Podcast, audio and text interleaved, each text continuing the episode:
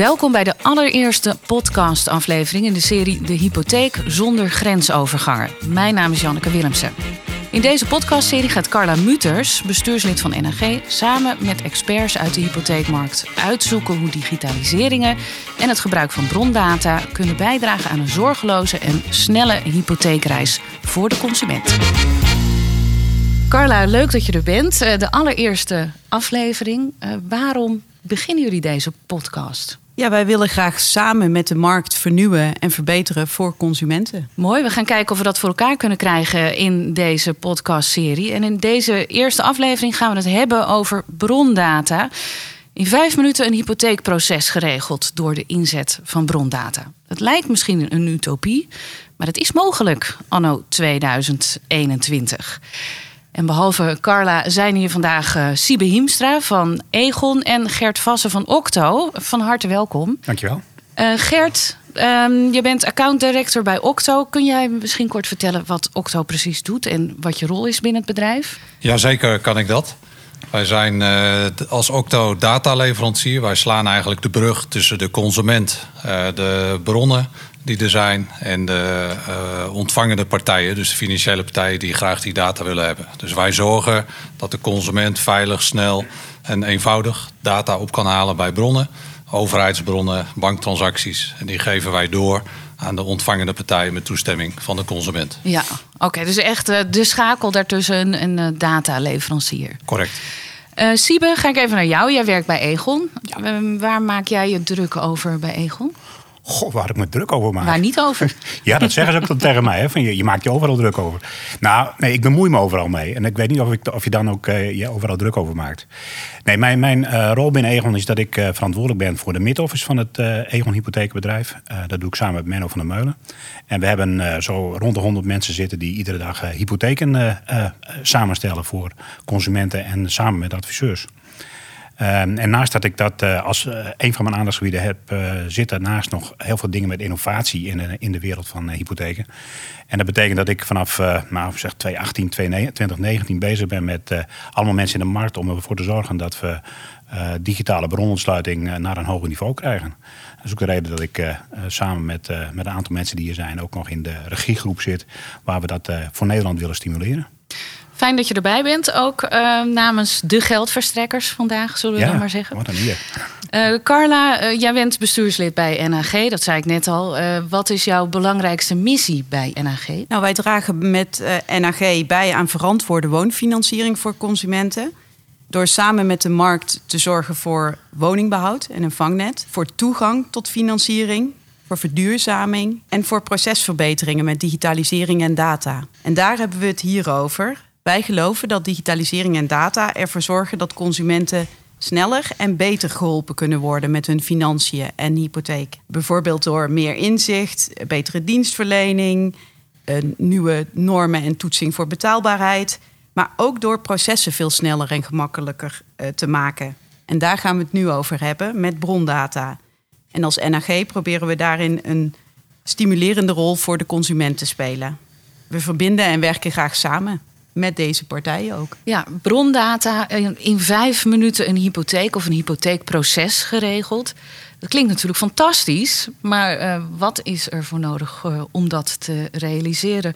Carla, wat, wat is brondata? Laat, brondata? Laten we daar eerst eens mee beginnen. Nou, voor een hypotheek heb je veel gegevens van consumenten nodig, zoals over de situatie, het inkomen en het huis, het onderpand. Die gegevens die werden verzameld in documenten die je moest aanleveren. Dus de hypotheekreis kende vele documenten met allerlei grensovergangen en hobbels. En met brondata haal je de gegevens uit de bron. Onbewerkt, verifieerbaar, zo digitaal mogelijk. Je levert daarmee de gegevens dus sneller en makkelijker aan.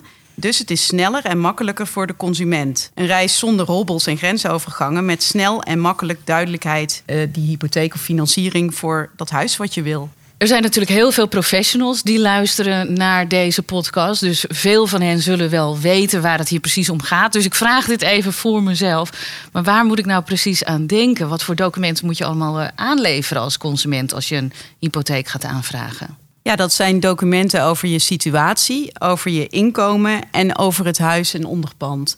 Dus daarmee ehm, gaat het over uh, wat is uh, je, je huwelijkse staat of uh, wat is je vermogen, wat is je inkomen, wat is je arbeidscontract of arbeidssituatie. Zaken als de taxatie van het pand. Dus eigenlijk allerlei informatie over die onderwerpen. Over jezelf, je inkomen en het huis. Ja, en die documenten moet je dan dus steeds weer bij verschillende instanties uh, aanleveren. En dat soort hobbels uh, willen jullie dus weghalen door het gebruik van brondata te stimuleren. Wat is er in jouw ogen nodig om deze ambitie te realiseren? Um, het belangrijkste is de samenwerking in de hypotheekketen. dat gebeurt nu in de regiegroep met HDN, waar we met veel partijen samenwerken aan brondata. Um, vanuit NAG willen we dat graag stimuleren. Dat is ook wel eens lastig. Of we zoeken naar onze rol of hoe die ook door anderen wordt opgevat. Wij willen graag samenwerken en verbinden en verbeteren. En we zien dat dat ook spannend is. Want de meeste partijen willen natuurlijk ook commercieel onderscheidend zijn. Maar eerst was iedereen zelf bezig met digitalisering en data. Maar gelukkig werken we nu met alle spelers in de keten samen, waardoor we naar één werkwijze bewegen. Dat is makkelijker voor consumenten en adviseurs en daarmee dus kansrijker. En dan gaan we natuurlijk daarvoor ook naar uh, ketenpartners kijken. Uh, zoals bijvoorbeeld uh, Gert van Octo. Um, als jij daarnaar kijkt, wat is er dan nodig voor een optimale samenwerking in de keten? Nou, voor die samenwerking is nodig dat je met z'n allen afspreekt hoe je dat gaat doen.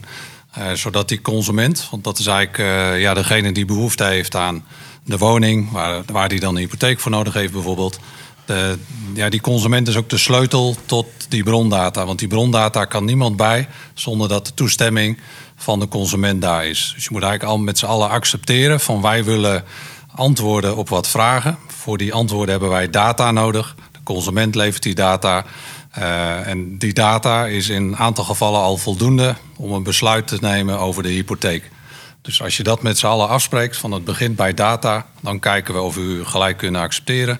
En de eerste geldstrekkers hebben dat al uh, gedaan, waaronder Egon. En in sommige gevallen is de data dus voldoende om gelijk dat besluit al te geven. Dus, dus dat is wel het principe. Het begint bij de consument, die heeft ook toegang tot de data.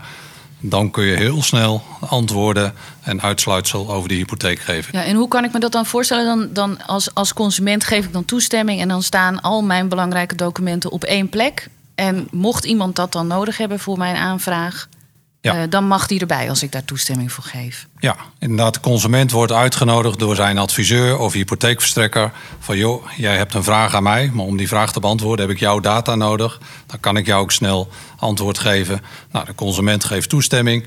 Die gaat via een app gaat die, die data ophalen bij die bronnen.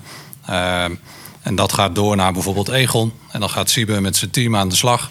Maar soms is het team niet eens nodig, want die data gaat van machine naar machine. Dus de data wordt geïnterpreteerd door het systeem. Ja, zegt het systeem het is goed, dan krijgt de consument uitsluitsel. Zegt het systeem van nou, ik heb nog iets meer gegevens nodig.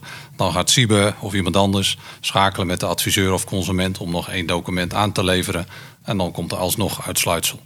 En wat zou er nou gebeuren als we brondata links laten liggen? Zou dat, zou dat erg zijn? Um, dat is voor Sie bij mij heel erg, want we zijn allebei 50 jaar geleden gestart in de hypotheekbranche. Toen ging het allemaal met een hoop gedoe en frustratie en papier. Um, en dan blijft het nog steeds bij het oude. Dus wij willen graag, voordat we met pensioen zijn, uh, zorgen dat die consument in 70% van de gevallen binnen vijf minuten uitsluitsel heeft. Eerder gaan we ook niet met pensioen, hè, Siebe? Het zijn wel een stelletje oude kerels, hè? 15 jaar geleden begonnen, man. nou ja, jullie zijn er misschien wel bijna. Ja, nou, nog lang niet. Nee. nee, maar het eerste bewijs is er al. Hè. Dus de eerste klanten zijn al op die manier volledig geautomatiseerd geholpen. Dat binnen vijf minuten. Alleen nu willen we eigenlijk met z'n allen bereiken van dat moet toch voor een grote doelgroep, wat uh, misschien niet de moeilijkste hypotheekaanvragen zijn, moet het op die manier gaan werken. En dan gaat het wel als een olievlek verder. Ja, klinkt heel erg goed. Uh, Siebe, hoe kijken jullie hiernaar? Wat, wat je eigenlijk wil bereiken met, met deze uh, manier van werken... is dat, dat een consument, en ik zeg maar even een beetje populist... dat gedoe met al die papieren kwijt is. Uh, want ze hebben helemaal geen behoefte aan een, aan een hypotheek eigenlijk. Het is een, een noodzakelijk kwaad. Dus wat je wil proberen is die mensen zo comfortabel mogelijk in hun woning te laten zijn. Uh, dus als je uh, als geldverstrekker met, met, met je risico's die je wilt uh, uh, beheersen, gevalideerde brondata binnenkrijgt, dan weet je zeker dat je met meneer en mevrouw Jansen te maken hebt. Je weet precies dat meneer Jansen dit verdient, mevrouw Jansen heeft dat verdiend. Dus je weet heel veel dingen zeker. en dan hoef je die mensen niet meer lastig te vallen. Als je nu kijkt in het proces waar, waar dingen heel vaak fout gaan, en dat snap ik heel goed, is, is, zijn formulieren waar op een werkgever moet verklaren dat meneer Jansen een bepaald inkomen heeft. Ja, dat hoeft niet meer. Dat hoeft hij niet meer te doen. Die meneer op die salarisadministratie kan zich met zijn echte dingen bezighouden. En hij hoeft geen kruisje meer te zetten op papier. En dan zeggen wij, als hele strenge meester, zeggen wij... meneer, dat kruisje staat verkeerd. Wilt u een nieuwe sturen? Nou, van dat gedoe zijn we af. En daar vallen we eh, consumenten daar eh, niet meer lastig mee. Nee, en, en, dat, is de gedachte. Het klinkt eigenlijk best uh, makkelijk en voor de hand liggend. Waarom zijn we er dan nog niet? Ja, ik denk dat daar drie redenen voor zijn. Um, uh, het, is, het is ook een beetje koudwatervrees hè, die we met elkaar hebben. Van ja, data over een lijn, is dat wel beveiligd? Dus er zit iets van koudwatervrees zit, zit erin. Het tweede is denk ik dat we nog niet voldoende in staat geweest zijn om die keten samen te werken. Dus, de, dus consument adviseur, geldverstrekker, uh, notaris, uh, makelaar, taxateurs. Nou, al die partijen die hebben we onvoldoende op elkaar weten aan te sluiten. Daar zit ook techniek in. De ene die, eh, die schrijft het in eentjes en tweetjes en iemand anders ontvangt drietjes en viertjes. en dan moet een vertaling tussen. Schijnbaar is dat, is dat best lastig. Hebben we misschien wat onderschat. En er loopt nog een, een, denk ik een rode lijn door, de, door die uh, materie heen. Het is wie betaalt wat in de keten. Want dat, uh, als je nieuwe dingen ontwikkelt, moet er geld voor komen. En wie betaalt wat in dingen. Ik denk dat we daar nog niet, nog niet voldoende duidelijkheid in hebben gecreëerd. Nou, en ik heb echt alle vertrouwen in nu we met, met, elkaar, met elkaar deze uh, dingen aan elkaar aan het vastknopen zijn. We, we, we, helpen elkaar. Dat we daar gewoon de komende jaren zo ontiegelijk veel tempo op kunnen maken. Zodat die vijf minuten straks misschien wel drie minuten kan zijn. Ja, en uh, hoe, want ik hoor je zeggen dat uh, het vergt ook wel een investering om al die dingen aan elkaar te Absoluut, knopen. Ja. Um, hoe zit het bij Egon en, en bij andere geldverstrekkers? Maken jullie al veel gebruik van brondata? Uh, ja, in mijn hoofd heel veel. Uh, maar als ik er feitelijk naar kijk, dan valt het me nog heel erg tegen. En ik denk dat de, de, de, de, drie dingen die ik net noemde, dat die daar aan, aan de grondslag liggen. Um, wij, hebben op dit moment binnen Egon hebben we uh, drie documenten die we uit het reguliere proces laten vervallen. Dat zijn, dat zijn uh, documenten waar identificatie in zit. Dat halen we nu met een DigiD via Octo en uh, halen we dat op. Dus we weten zeker dat die achter de DigiD, dat is prachtige informatie. Het UWV-verzekeringsbericht gaan we daarbij bij doen. En daar zitten salarisgegevens van klanten in, in verwerkt. En als het over pensioenen gaat, dan gaan we mijn pensioenoverzicht uh, halen we op. Die data halen we op. Dan hebben we die documenten dus niet meer nodig. Um, en er zijn nog een, nou, op mijn wenslijstje staan er nog drie, vier eh, documenten die ik nog bij zou willen hebben. En daar zijn we nu mee bezig om dat te doen.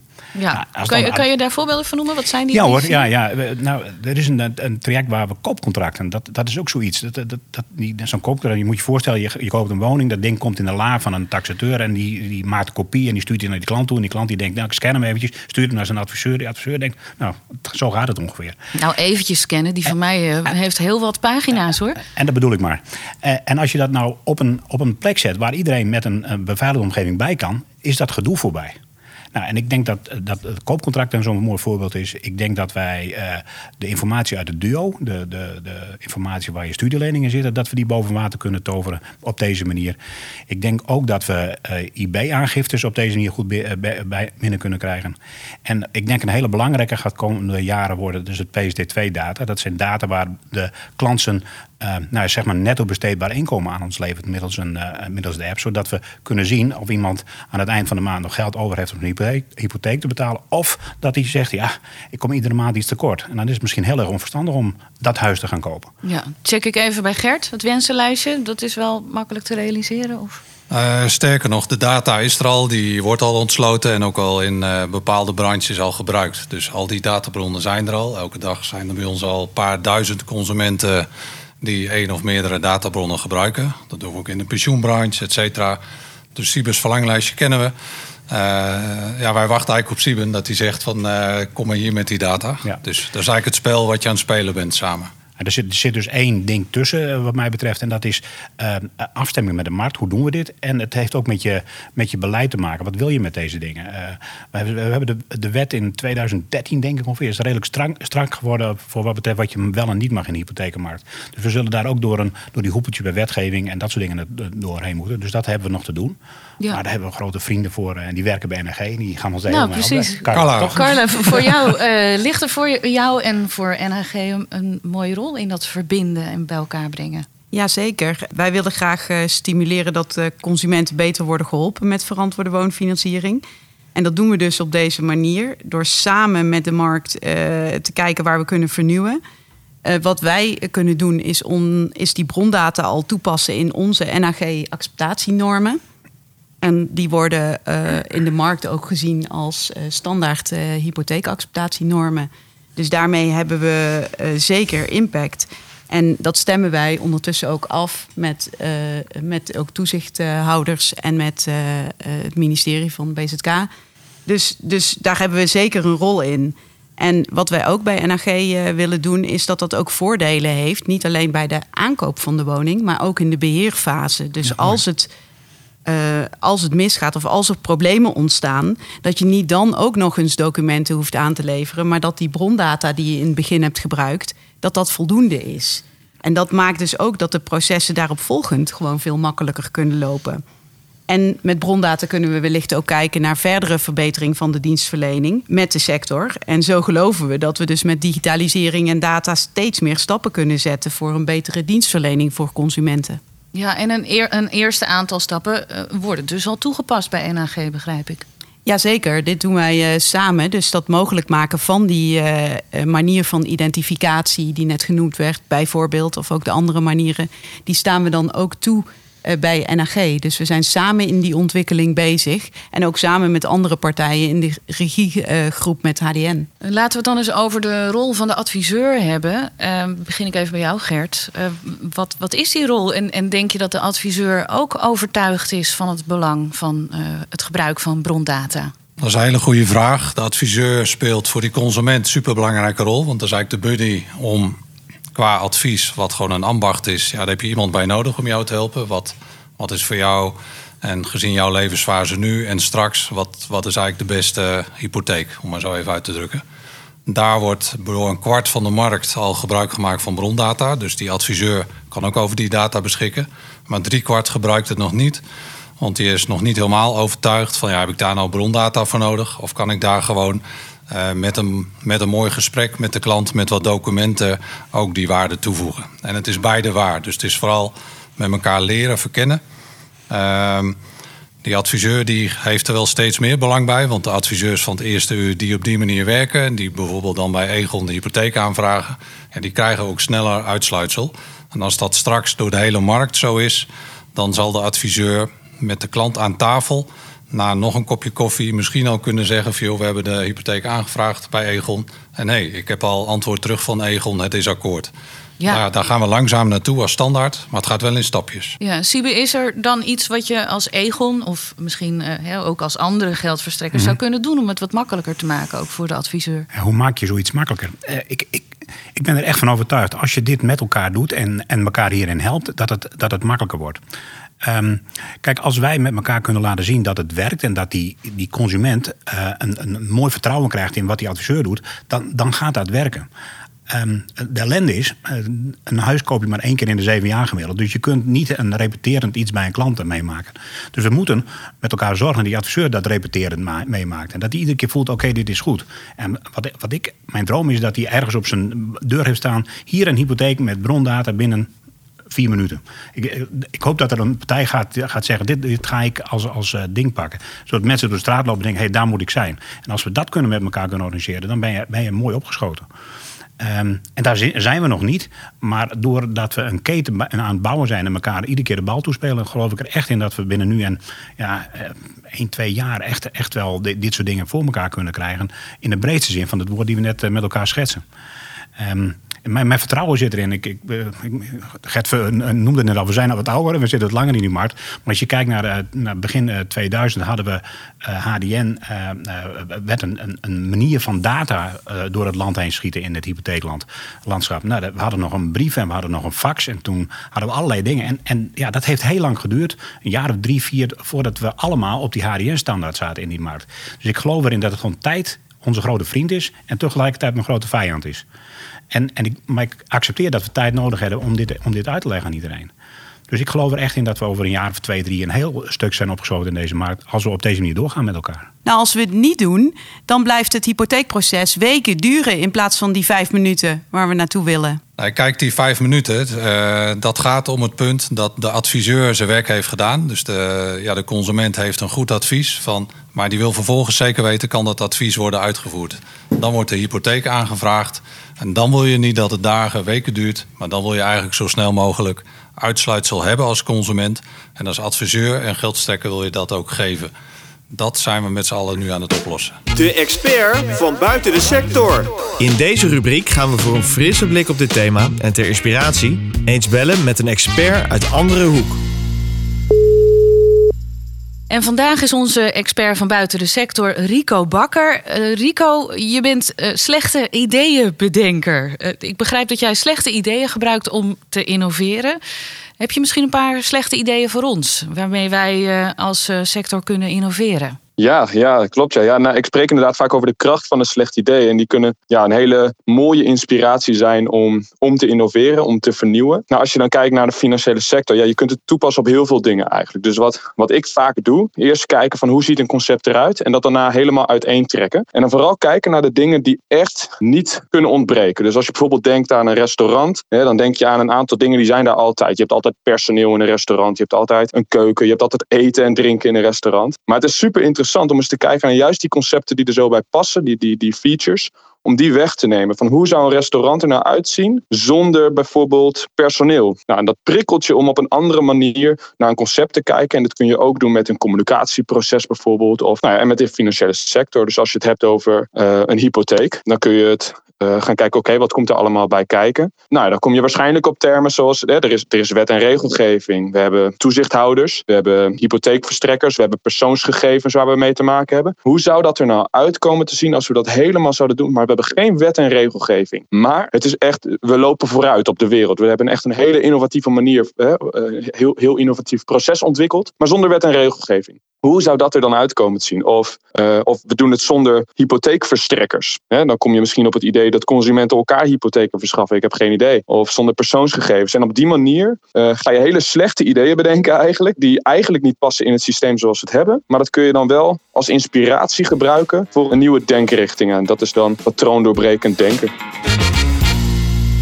Onze expert van buiten de sector, Rico Bakker, had een eh, stortvloed aan slechte ideeën. Eh, Siebe, ik begin even bij jou. De denkoefening geen geldverstrekker. Wat vind je ervan? Ik dacht eerst, dat is een hoop vrije tijd. Dat, dat was het eerste wat ik dacht. Nee, eh, eh, ja, als je erover nadenkt, en eh, dat, ik heb er even een paar seconden voor gehad. Dan denk ik, ja, als dat er niet is, dan moet je een andere, andere geldbron vinden. En ik denk dat als we dat geld op de, ergens kunnen vinden van een of andere rijke oliesjeik of zoiets, dan hebben we geld. En kunnen we mensen heel netjes een hypotheek geven. Dan ben je als geldverstrekker um, met data, want daar hebben we het hier over. Als je dat binnenkrijgt en je kunt dat beoordelen.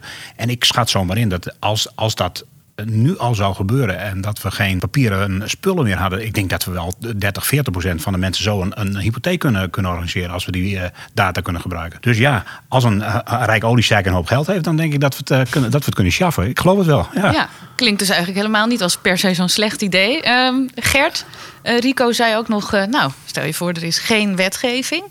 wat zouden we dan kunnen? Oh, dan kunnen we nog steeds alles. Want kijk, uh, geld uitlenen, dat is gewoon op basis van gezond boerenverstand. En degene aan wie ik het geld uitleen, uh, gaat hij mij dat geld een keer terugbetalen. En betaalt hij elke maand de rente en de aflossing. Ja, dat kun je ook gewoon aan de hand van tien uh, vragen kun je een persoon wel inschatten. Als die daar de goede antwoorden op geeft, dan weet je dat. En sommige dingen wil je wel wat onderbouwd zien. Dus daar heb je helemaal geen kaders of wetgeving voor nodig. Het gaat gewoon om inschatting gaat die persoon mij geld terugbetalen. En Carla, waar inspireerde de teksten van Rico Bakker jou toe? Nou, tot uh, hele mooie dromen, waarin we ons dus vooral op de consument kunnen richten en de consument goed helpen. En dat zijn individuele situaties en maatwerk. Kijken naar de betaalbaarheid op andere manieren. Uh, maar die consument dus heel goed helpen. En uh, veel minder energie besteden aan het proces, zoals we nu doen. Ja, dus het had zeker nut om zo'n frisse blik op de sector uh, even te krijgen. Nodig hem nog een keer uit. Dat inspireert wel, deze ja, man. In de volgende podcast. Ja, dat moeten we doen. En laten we het uittesten of het werkt. Lijkt me een mooie oproep. Uh, Carla, wat is jouw oproep richting de mensen die nu aan het luisteren zijn? Wat kunnen ze doen om deze ambities met betrekking tot brondata en het, en het meer gebruiken daarvan te laten slagen? Nou, samenwerken om dat gebruik van brondata in alle onderdelen en alle stappen van het hypotheekproces voor elkaar te krijgen. Het liefst in één uniforme werkwijze met gemak en voordelen voor consumenten en voor adviseurs. Nou, samenwerken kan spannend zijn vanuit de wens om uh, commercieel onderscheidend te zijn. Maar juist digitalisering en data kan uh, een kracht voor ons zijn in die hypotheekketen samen. In plaats van dat andere spelers dat gaan doen. Dus laten we die kracht met elkaar juist benutten laten we dan ook de mogelijkheden opzoeken, het gebruik stimuleren, dus energie en enthousiasme om oude werkwijzes aan te passen. En ook uh, met elkaar blijven aangeven wat nodig is om het gebruik te doen toenemen en verder uh, te stimuleren. Hele mooie oproep. Uh, Siebe, dan wil ik van jou nog weten, wat staat er bij jullie op de planning qua brondata? Ik heb het er net al heel kort even over gehad.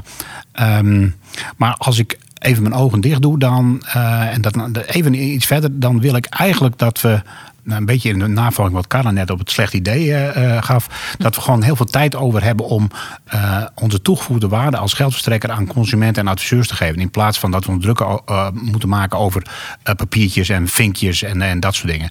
Dus ik, ik, ik zeg dat wel wat populistisch, maar het werk wat geen waarde toevoegt uit het proces halen. En daar zijn we nu mee bezig. En dat we dan tijd overhouden om ons echt tot de essentiële dingen te, te doen. Dat staat bij mij op de kalender. en wat is daar je, je grootste uitdaging bij dan? Get rid of of the papers, yes. Uh, zorgen dat we, dat, we van die, van die papieren uh, rompslomp af zijn. Want, uh, en, en het proces naadloos op elkaar aansluiten. Want op het moment dat er een proces is waar iemand, iemand anders iets geeft, gaat er meestal iets fout. Of nee, dat is een kans waar de fout het meest voor kan komen. En als je die hobbels eruit haalt, dan heb je ook geen fouten meer. En dan is één keer raak. En dat lijkt me fantastisch. Gert, hoe zie jij eh, de toekomst van brondata en, en wat gaan de luisteraars hiervan merken? Die gaan daar veel van merken. Wat we afgelopen jaren samen gedaan hebben met alle partijen, ook hier aan tafel, is eigenlijk oefenen en wennen daaraan. Daardoor heeft iedereen vertrouwen gekregen dat brondata helpt om die hypotheek in vijf minuten te krijgen. Wat daarbij gaat komen is dat er nu wetgeving is vanuit Europa en ook Nederland. Dat overheden die data makkelijker moeten ontsluiten. Uh, dus dat gaat helpen. En ook dat partijen als wij, uh, Octo, zijn, hebben dan een formele status als operator. Dus wij mogen met goedkeuring van de consument en ook via tussenkomst van de consument die data ophalen en doorgeven. Dus dan heb je eigenlijk met z'n allen wat je afgelopen jaren waarin je geoefend hebt, ga je dan formaliseren. Ja, dan kun je dat gewoon voor ieder proces toepassen. Of dat nou is voor hypotheek of een lening of uh, inderdaad een pensioeninzicht. Dus dat gaat echt heel gaaf worden. En daar is uiteindelijk de consument bij gebaat. Dit was de allereerste aflevering van De Hypotheek zonder grensoverganger. En we bespraken het belang van brondata. En ik denk dat we kunnen afsluiten met de conclusie dat er al veel brondata beschikbaar is, maar dat alles nog even aan elkaar geknoopt moet worden dat de eerste stappen duidelijk gezegd uh, zijn in het uh, oplossen van die hobbels. We danken onze host Carla Muters van NAG en uh, de gasten Gert Vassen van Octo en Sibe Hiemstra van Egon voor jullie expertise. En natuurlijk ook voor de inspiratie op dit onderwerp. En we danken natuurlijk ook jou als luisteraar van deze podcast. Wil je meer doen met brondata en meer weten over de plannen van NHG, Octo en Egon voor de toekomst? Kijk dan even op nhg.nl/slash kennis-innovatie. In het voorjaar zijn we terug met een nieuwe aflevering over digitalisering. Informatie hierover vind je binnenkort op de website van NHG. Heel graag. Tot dan.